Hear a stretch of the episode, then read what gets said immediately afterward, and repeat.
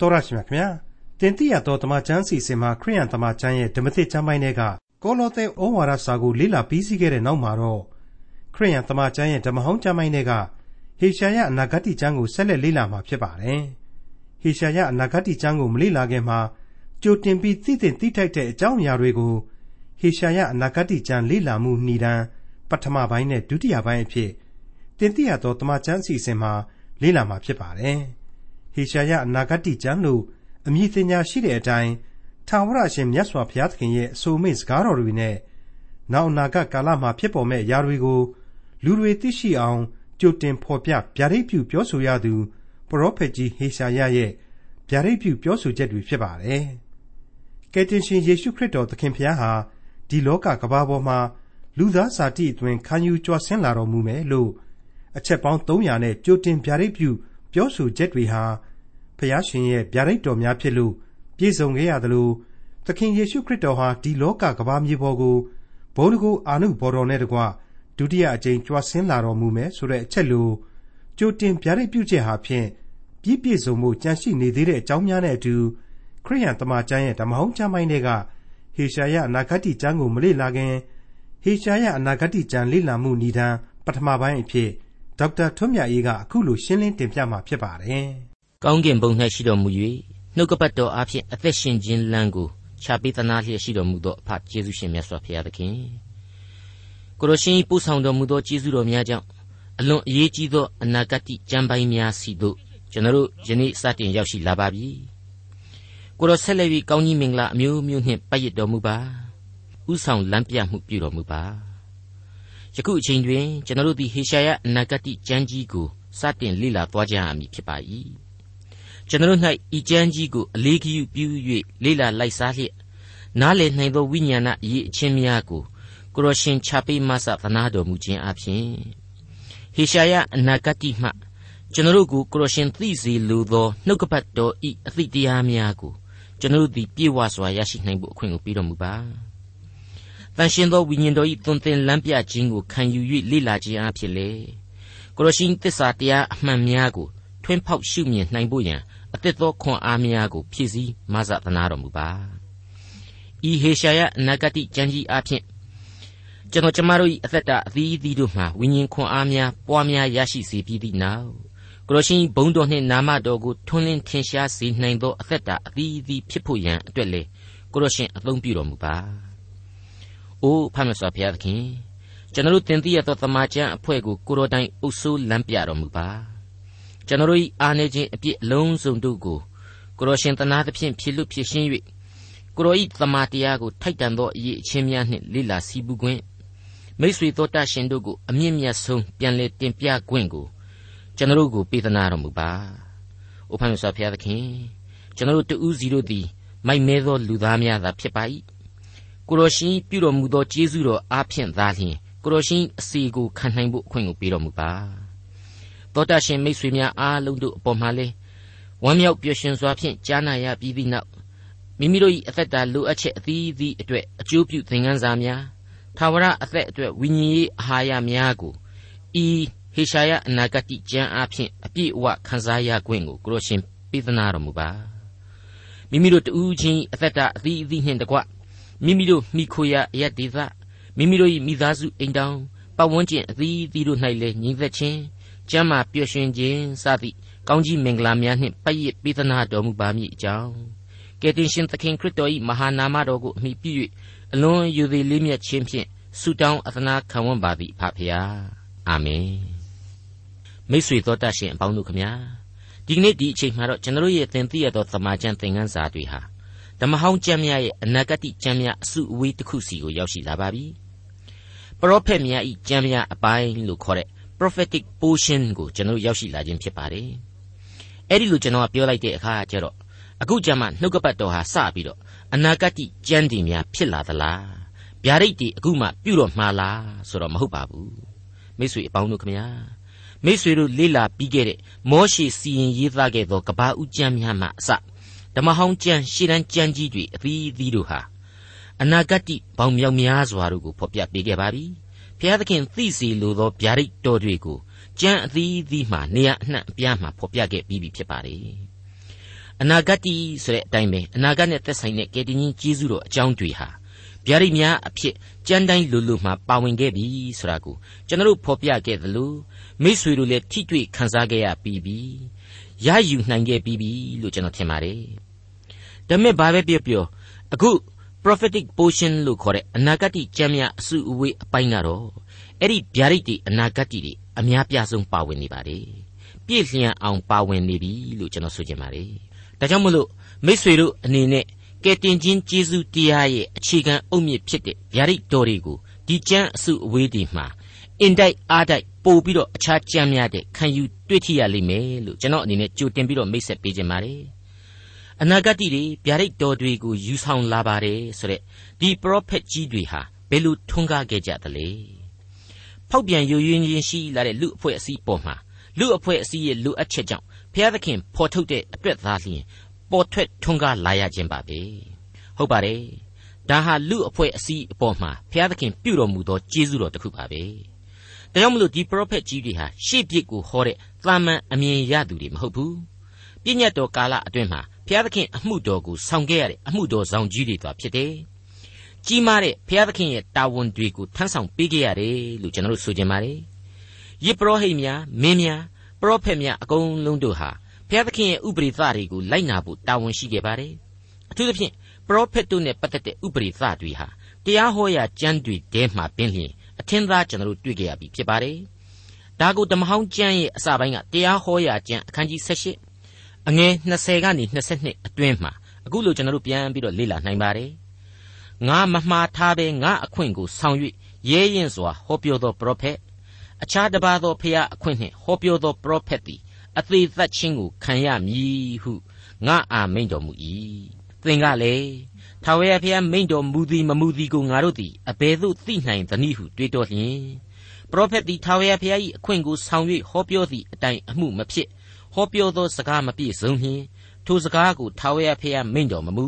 ပရောဖက်သည်ရဲရင်စွာဟောပြောပြီးသူ့ကိုမကြောက်ရအလွန်ပြင်းထန်တဲ့စီရင်ချက်ပဲဆိုတာတွေ့ရပါတယ်ဘုရားသခင်အလိုတော်နဲ့သာလျှင်ဒီပရောဖက်ပြုခွင့်ကိုဒီပရောဖက်ပြုသူဟာရရှိတယ်သူ့စကားတွေဟာအဲ့ဒီအချိန်ကြမှာလေအတီးဖြစ်လိမ့်မယ်လူလိန်လူညာတယောက်ကတက်ပြီးတော့ထင်ရမြင်ရပြောမယ်ဟန်ဆောင်မယ်ဆိုရင်သတ်ပြေတဲ့အဲ့ဒီလောက်အထိဒီပရောဖက်ပြုမှုဆိုတာဟာ ကာလအလျောက်အရေးရောက်ခဲ့တယ်အရေးကြီးခဲ့တယ်တစ်ချိန်တည်းမှာပဲအလွန်တင်းကျပ်တဲ့ဥပဒေနဲ့တုံ့နှောင်ထားတဲ့အလုပ်ပဲဖြစ်တယ်ဆိုတာကျွန်တော်တို့ဒီညမှာမြင်နိုင်ပါတယ်မိတ်ဆွေအခုနှုတ်ကပတ်တော်ကပရောဖက်ကြီးတွေရဲ့နှုတ်ကပတ်တော်တွေဟာဗျာဒိတ်တော်တွေဟာအကုန်လုံးပြည့်စုံသွားခဲ့ကြတာကြီးပါပဲတခုမှလွဲတယ်လို့မရှိခဲ့ပါဘူးချက်ချင်းသို့မဟုတ်ဗျာဒိတ်နဲ့မရှိမနှောင်ဆိုတဲ့အချိန်ကာလအတွင်းမှာပဲအတီးဖြစ်တဲ့အချက်တွေကြောင့် သူတို့ရဲ့ပရောဖက်အစစ်အမှန်ဖြစ်ခြင်းအကြောင်းတွေကိုကျွန်တော်တို့သိနိုင်တယ်လို့နှောင်းကာလမှာအတီးဖြစ်လာတာတွေဇက်တိုက်ရှိခဲ့ပါတယ်ကတ်ကာလကုံဆုံးခြင်းအတွက်ကြံရစ်နေသေးသောဗျာဒိတ်တော်တွေလည်းရှိနေသေးတယ်ဆိုတာကိုကျွန်တော်တို့နားလည်ထားဖို့လိုပါတယ်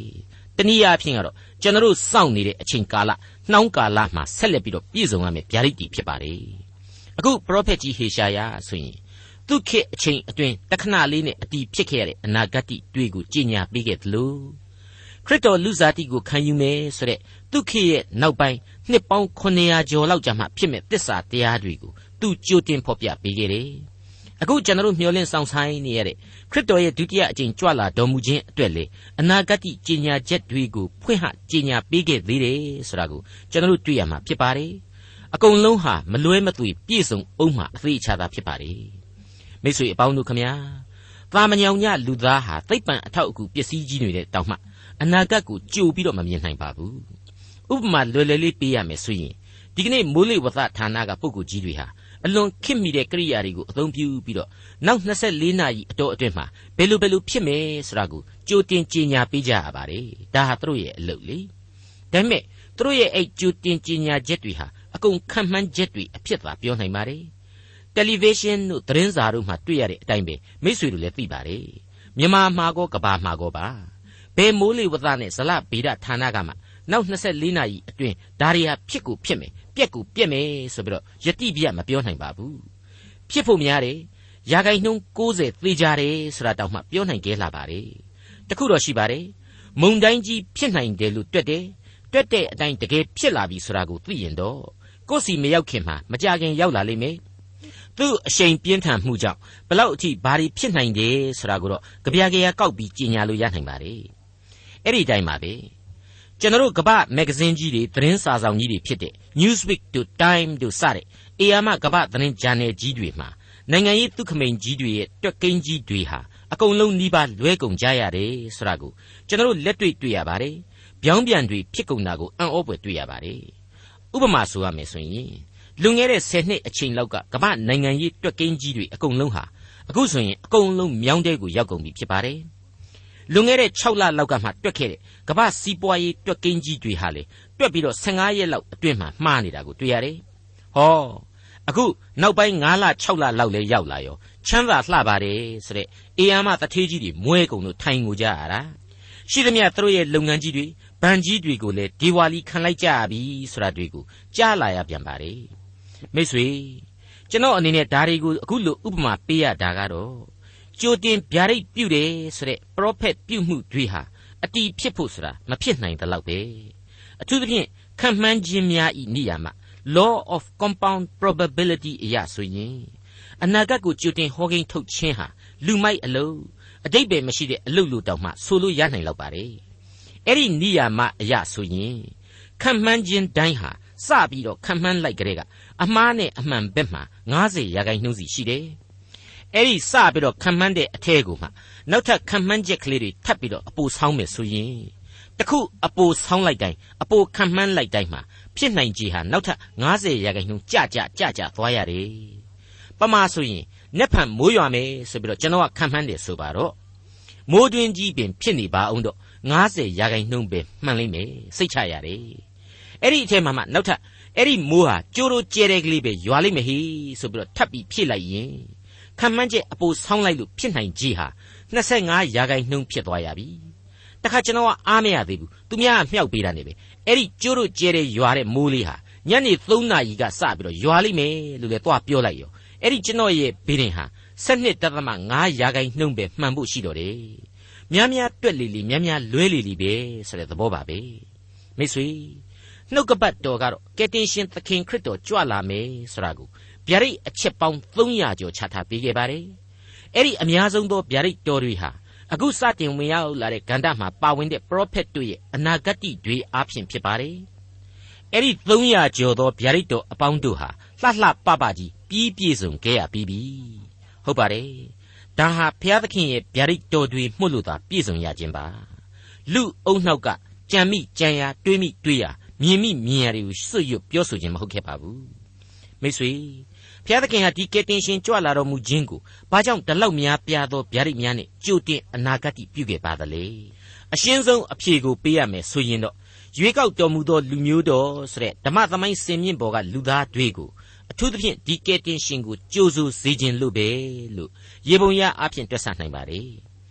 ဣသရေလလူမျိုးတော်ဟာအနည်းငယ်သောအုပ်စုကလွဲလို့ကယ်တင်ရှင်သခင်ခရစ်တော်ကိုလက်ခံခဲ့ကြပါသလားလက်မခံခဲ့ကြပါဘူး ဒါကြောင့်မို့လက်ဒီလူမျိုးတော်ဟာလူအဖွဲ့အစည်းကြီးတစ်ခုလုံးမှာတခြားလူမျိုးတော်တွေတက်ပို့ပြီးတော့အပြစ်သင့်တဲ့အဓိကတရားခံအဖြစ်ကျွန်တော်တို့သတ်မှတ်နိုင်ပါ रे မိတ်ဆွေအပေါင်းတို့ခမညာဓမ္မဟောင်းကျမ်းတွေကိုအစဉ်တစိုက်ထိတွေ့နေရတဲ့လူမျိုးတော်ရင်ပါနေရတဲ့လူမျိုးတော်သံပေါင်းများစွာတို့ဟာခရစ်တော်ရဲ့လူစားတိကိုခံယူရာဘဲလင်မြို့ငယ်ကိုခရစ်တော်ကျင်းဝတ်နေတဲ့နွားစကက်တီရှိရာတဲခိုကန်းကလေးစီကိုကြစ်ကြိတ်တိုးပြေးလာပြီးတော့ကြိုစုတိုက်ပေမဲ့မကြိုစုခဲ့ကြပါဘူး ဓာတ်ရိုက်ကြီးလာပြီးတော့ကောင်းကင်တမန်တွေကသတင်းပေးခံခဲ့ရတဲ့ကြေးတော်သားသိုးဒိန်တွေကသာလျှင်လာရောက်ပြီးတော့ဂါရဝဝတ်ပြုခဲ့ကြတယ်အာရှဒေသအတွင်းပိုင်းနိုင်ငံတွေစီကပညာရှိကြီးတွေဟာသုံးပါးတဲ့မကအများအပြားသူငယ်တော်ယေရှုကိုလာရောက်ဖူးမြော်ခဲ့ကြတယ်အဲ့ဒီအချက်တွေးကိုသာခရိယန်ကျမ်းခရစ်ဝင်ကျမ်းတွေအရာကျွန်တော်တို့တွေ့ကြရပါတယ်တွက်ဆလို့အဖြေရပါတယ်ဣသရေလကျမ်းတတ်ပညာရှိတွေကြတော့ ဂျူးဗိမှန်တော်တွေတဲကနေတဖွာမှခွာပြီးတော့ဘက်လင်ကိုပြေးပြီးတော့မသွားခဲ့ကြဘူးကယ်တင်ရှင်ကိုသွားရောက်ဝတ်မပြုခဲ့ကြဘူးဟုတ်တယ်သူတို့အဖို့ပြည့်ညက်တော်တွေကိုမျက်စိစုံမိတ်ပြီးတော့ဗိမာန်တော်တွေကအသန့်ရှင်းဆုံးသောပလင်တော်ကိုတောင်မှရဲရဲတောင်မှမော်မကြည့်ပဲနဲ့တရားရည်လွတ်ဒီကျမ်းတွေကိုတတွတ်တွတ်ရွတ်ဆိုသလိုတက်တိုင်းရွတ်ဆိုကြမယ်သူများယူဆောင်လာတဲ့နွားတို့သိုးတို့စိတ်တို့ကိုသတ်မယ်သွေးနဲ့ပလင်တော်ကိုဖြန်းမယ် အသားတွေကကောင်းပြီဆိုတဲ့အပိုင်းကလေးကိုလှီးပြီးတော့အိမ်ကိုပို့ခိုင်းမယ်မိရှုရရစ်ပူဇော်ပြီးတော့ကြက်ရင်ဖဲ့စားမယ်ပြည့်ညတ်တော်ချိုးဖောက်တဲ့လူတွေရှိရင်ဂဲနဲ့ဝိုင်းထူဖို့အချက်ပေးမယ်စတဲ့စတဲ့အစဉ်အလာကိစ္စဝိစ္စတွေကသာလျှင်အယံပို့ပြီးတော့အရေးကြီးနေခဲ့တယ်ဆိုတာတွေကိုတွေ့ရပါတယ်မိတ်ဆွေတို့ဒီလောက်အထိသခင်ရဲ့ကြွလာတော်မူခြင်းဟာအရေးကြီးလွန်းလှပါရဲ့နဲ့ရွေးကောက်တော်မူသောလူမျိုးတော်ကဖော်ပြခဲ့တဲ့ပေလျက်ကံပြုလုပ်မှုတွေဟာ အသေးရစရာကောင်းလှအောင်သမိုင်းစာကပီးတင်တိုက်လှပါတယ်ဒါတွေနဲ့ပတ်သက်ပြီးတော့ခရစ်ဝင်ကျမ်းသင်ခန်းစာတွေမှာတုန်းကကျွန်တော်အသေးစိတ်ဖော်ပြခဲ့ပြီးပါပြီရှေ့အပိုင်းတွေမှာလည်းအခါအားလျော်စွာထည့်သွင်းရှင်းလင်းဖော်ပြသွားပါဦးမယ်အခုလောလောဆယ်အချိန်မှာတော့ပရောဖက်ကြီးတွေအကြောင်းကိုပဲဦးစားပေးဖော်ပြခွင့်ပြုပါဦးအခုဟေရှာယအမည်ရှိတဲ့ပရောဖက်ကြီးအပအဝင်ပရောဖက်အပေါင်းတို့ဟာဣသရေလလူမျိုးတော်တွေတဲကမျိုးချစ်စိတ်သိပ်ပြင်းထန်တဲ့ပုဂ္ဂိုလ်ကြီးတွေဖြစ်ခဲ့ကြပါတယ် သူတို့ဟာလူမျိုးတော်ရဲ့အပြစ်ကျူးလွန်မှုတွေနဲ့ပတ်သက်လာရင်ဘယင်ကစပြီးတော့အညတရအဆင့်အထိမချွင်းမချံအာမနာပါမနာတန်ဝေဖန်ရှုံချဝန်ခဲ့ကြတယ်ဆိုတာကိုကျွန်တော်တို့တွေ့ရပါတယ်သူတို့အားဖြင့်ဘုရားသခင်ဖော်ပြပေးလိုက်တဲ့အပြစ်တွေကြောင့်လေလူမျိုးတော်ကြီးမင်းတို့တော့ဒုက္ခလှလှကြီးဆက်ရတော့မယ်ဆိုတာတွေကိုလေပျောင်ပျောင်တင်းတင်းမဲ့သတိပေးခဲ့ပါတယ်သူတို့ရဲ့ကြင်ညာချက်တွေသူတို့ရဲ့ဗျာဒိတ်တွေဟာကြိမ်ဖန်များစွာမှနာနာကြီးကြီးရှိလွန်လှပါတယ်မျက်ရည်နဲ့ဒေါသ ရောသမထားတယ်လို့ပဲတင့်မှမှုတွေလည်းရှိပါတယ်အရေးသိကြီးတာကတော့အဲ့ဒီလိုလူမျိုးတစုတည်းရဲ့နောင်တခစ်အဲ့ဒီလိုလူမျိုးတစုတည်းရဲ့ခစ်တခစ်ကာလတစ်ခုတည်းမှာတင်ဒီအနာဂတ်တွေဟာအကျုံးဝင်နေတာမဟုတ်ဘူးအတိုင်းအဆအရှင်းမရှိတဲ့အနာဂတ်နေ့တွေအကြောင်းကိုပါသူတို့ရဲ့ယူပါယုံတွေဟာအာယုံတွေဟာဝင်စားခဲ့ကြတာပဲဟုတ်ပါတယ်ဘုံတကိုးနဲ့ပြည့်စုံတဲ့အကျွင့်မဲ့ဘုရားသခင်ကို သူတို့စိတ်အာယုံတွေဟာထိတွေ့ခံစားခဲ့ကြရတာပဲဆိုတာဒီကိုကျွန်တော်တွေ့နိုင်ပါတယ်ဟုတ်ပါတယ်သူတို့ဟာအဲ့ဒီလိုဗျာဒိတ်ယူပါယုံတွေကိုခံစားထိတွေ့ခဲ့ကြရသလိုကဲတင်ပိုင်သောအရှင်ကြွလာအောင်မယ်ဆိုတာကိုလေသူတို့ကြိုတင်မြင်မဲ့ခဲ့ကြတာဟာအံ့ဩဖို့ကောင်းလောက်အောင်သူတို့စီမှာကျွန်တော်တို့ဆက်ပြီးတွေ့ရပါလိမ့်မယ်အဲ့ဒီအမြင်တွေဟာဘယ်အဆင့်မှရှိသလဲဆိုတော့ဓမ္မသစ်ကျမ်းတွေကရယူနိုင်တဲ့ကောင်းကင်နိုင်ငံတော်ဆိုတာကို ဓမ္မသစ်အမြင်တက်တောင်မှသူတို့ဟာကြိုကြိုတင်တင်တင်ပြနိုင်ခဲ့ကြတယ်ပြီးပြီးပြင်းပြင်းမြင်ခဲ့ကြတယ်လို့ကျွန်တော်တို့ဆိုနိုင်ပါလိမ့်မယ်ဘယ်လိုပဲအခုလိုအနာဂတ်ဉာဏ်တွေရရဗျာဒိတ်ပြုတ်နိုင်တဲ့ခွန်အားတွေတတ္တိတွေရှိရှိဒါဟာအမှန်တော့ဘုရားသခင်အလုပ်ကိုသူတို့လုပ်ဖို့အတွက်ဘုရားသခင်ပေးလိုက်တဲ့ဉာဏ်တက်တက်တာဖြစ်တယ်ဘုရားသခင်တက်ဆင်ပေးလိုက်တဲ့အစွန်းတတ္တိလက်နဲ့တက်တက်တာဖြစ်တယ်စင်စစ်တော့ဒီလူကြီးတွေအကုန်လုံးဟာကိုလိုသူလိုလူသားအချင်းချင်းသာဖြစ်တဲ့လူတွေကြီးဖြစ်ကြတယ် စူပါမန်ဆိုတဲ့လူမဆန်တဲ့လူတွေတော့မဟုတ်ပါဘူးဆိုတာကိုကျွန်တော်တို့သတိချက်ထားကြရပါလိမ့်မယ်တစ်ချိန်တည်းမှာလူတဲကလူသားကြီးတွေရဲ့စီကတဆင့်ရယူခန်းစားထိတွေ့ရတဲ့အဲ့ဒီအနာဂတ်ကြမ်းကြီးတွေဟာလူသမိုင်းအတွက်ဘလောက်အထိအရေးကြီးနေတယ်လူသမိုင်းကြီးကိုဘယ်အတိုင်းအတာအထိလွှမ်းမိုးနေတယ်ဥဆောင်သမှုပြုနေတယ်ဆိုတာကိုဓမ္မသစ်ကျမ်းဟာဝန်ခံထားရပြန်ပါလေဒါကိုတမန်တော်ကြီးရှင်ပေတရုကနေပြီးတော့အောက်ပါအတိုင်းဖွင့်ဆိုပေးခဲ့ပါတယ် ရှင်ပေတရုဩဝါဒစာပထမစာဆောင်အခန်းကြီး1အငယ်30နဲ့17မှာအခုလိုဖြစ်ပါတယ်ထိုကဲ့တင်ခြင်းအကြောင်းအရာကို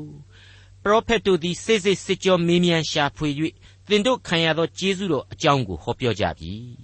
ခရစ်တော်ခံတော်မူရသောဆင်းရဲကို၎င်းဆင်းရဲခံပြီးမှဝင်စားတော်မူရသောဘုံစည်းစိမ်ကို၎င်းသူတို့အထက်၌ရှိသောခရစ်တော်၏ဝိညာဉ်သည်တက်သည်ခံနှင့်သောအခါ အဘယ်မည်သောသူကို၎င်းအဘယ်သို့သောအချိန်ကာလကို၎င်းဆိုလိုတော်မူသည်ဟုမေးမြန်းရှာဖွေကြ၏အဲ့ဒီလိုရှင်ပေတရုဖော်ပြခဲ့ခြင်းဖြစ်ပါတယ်အဲ့ဒီလိုပါပဲရှင်ပေတရုဩဝါဒစာဒုတိယစာဆောင်အခန်းကြီး30အငယ်15ကနေ21အတွင်းမှာကြည့်မယ်ဆိုရင်လည်းအခုလိုတွေ့နိုင်ပါတယ်ထိုမှတပါငါစုတည်သည့်နောက်သင်တို့သည်ဤအရာများကိုအစဉ်မှတ်မိစေခြင်းဟာငါကြိုးစားအားထုတ်မည်ငါတို့သခင်ယေရှုခရစ်တကိုးတော်ကို၎င်း ကြွလာတော်မူခြင်းကို၎င်းသင်တို့အားကြားပြောသောအခါ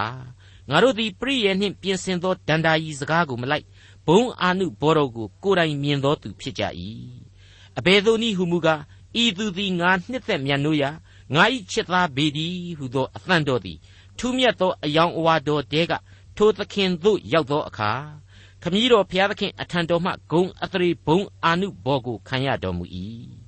ကောင်းကင်ကရောက်လာသောထိုအသံတော်ကိုငါတို့သည် တန်ရှင်းသောတောင်ပေါ်မှသခင်ဖျားနှင့်အတူရှိသောအခါကြားရကြ၏ထိုမှတပါသာ၍မြဲမြံသောအနာဂတ်စကားတော်သည်ငါတို့၌ရှိသေး၏စိတ်နှလုံးထဲ၌အာယုန်တက်၍ကြည်နီပေါ်ထွက်သည့်ကာလတိုင်အောင်ထိုအနာဂတ်စကားတော်ကိုမှောင်မိုက်အရ၌ထွန်းလင်းသောစီမိကဲ့သို့မှတ်၍သင်တို့သည်အမိပြုသင်ကြ၏ကျမ်းစာ၌ပါသောအနာဂတ်စကားမြည်သည်က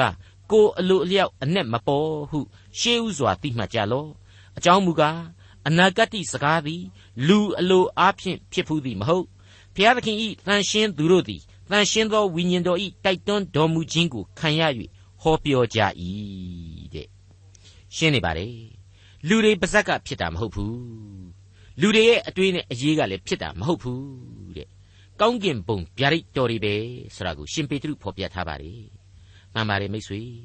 အဲ့ဒါဒီကြောင့်လေကောက်ပါဆိုတဲ့ပညာရှိကြီးတယောက်ကနေဘယ်လိုပြောခဲ့တယ်လဲဆိုရင်အနာဂတ်ကြံရဲ့တိခတ်သံတွေဟာသိပ်ပြီးတော့ချိုးမိန်တယ်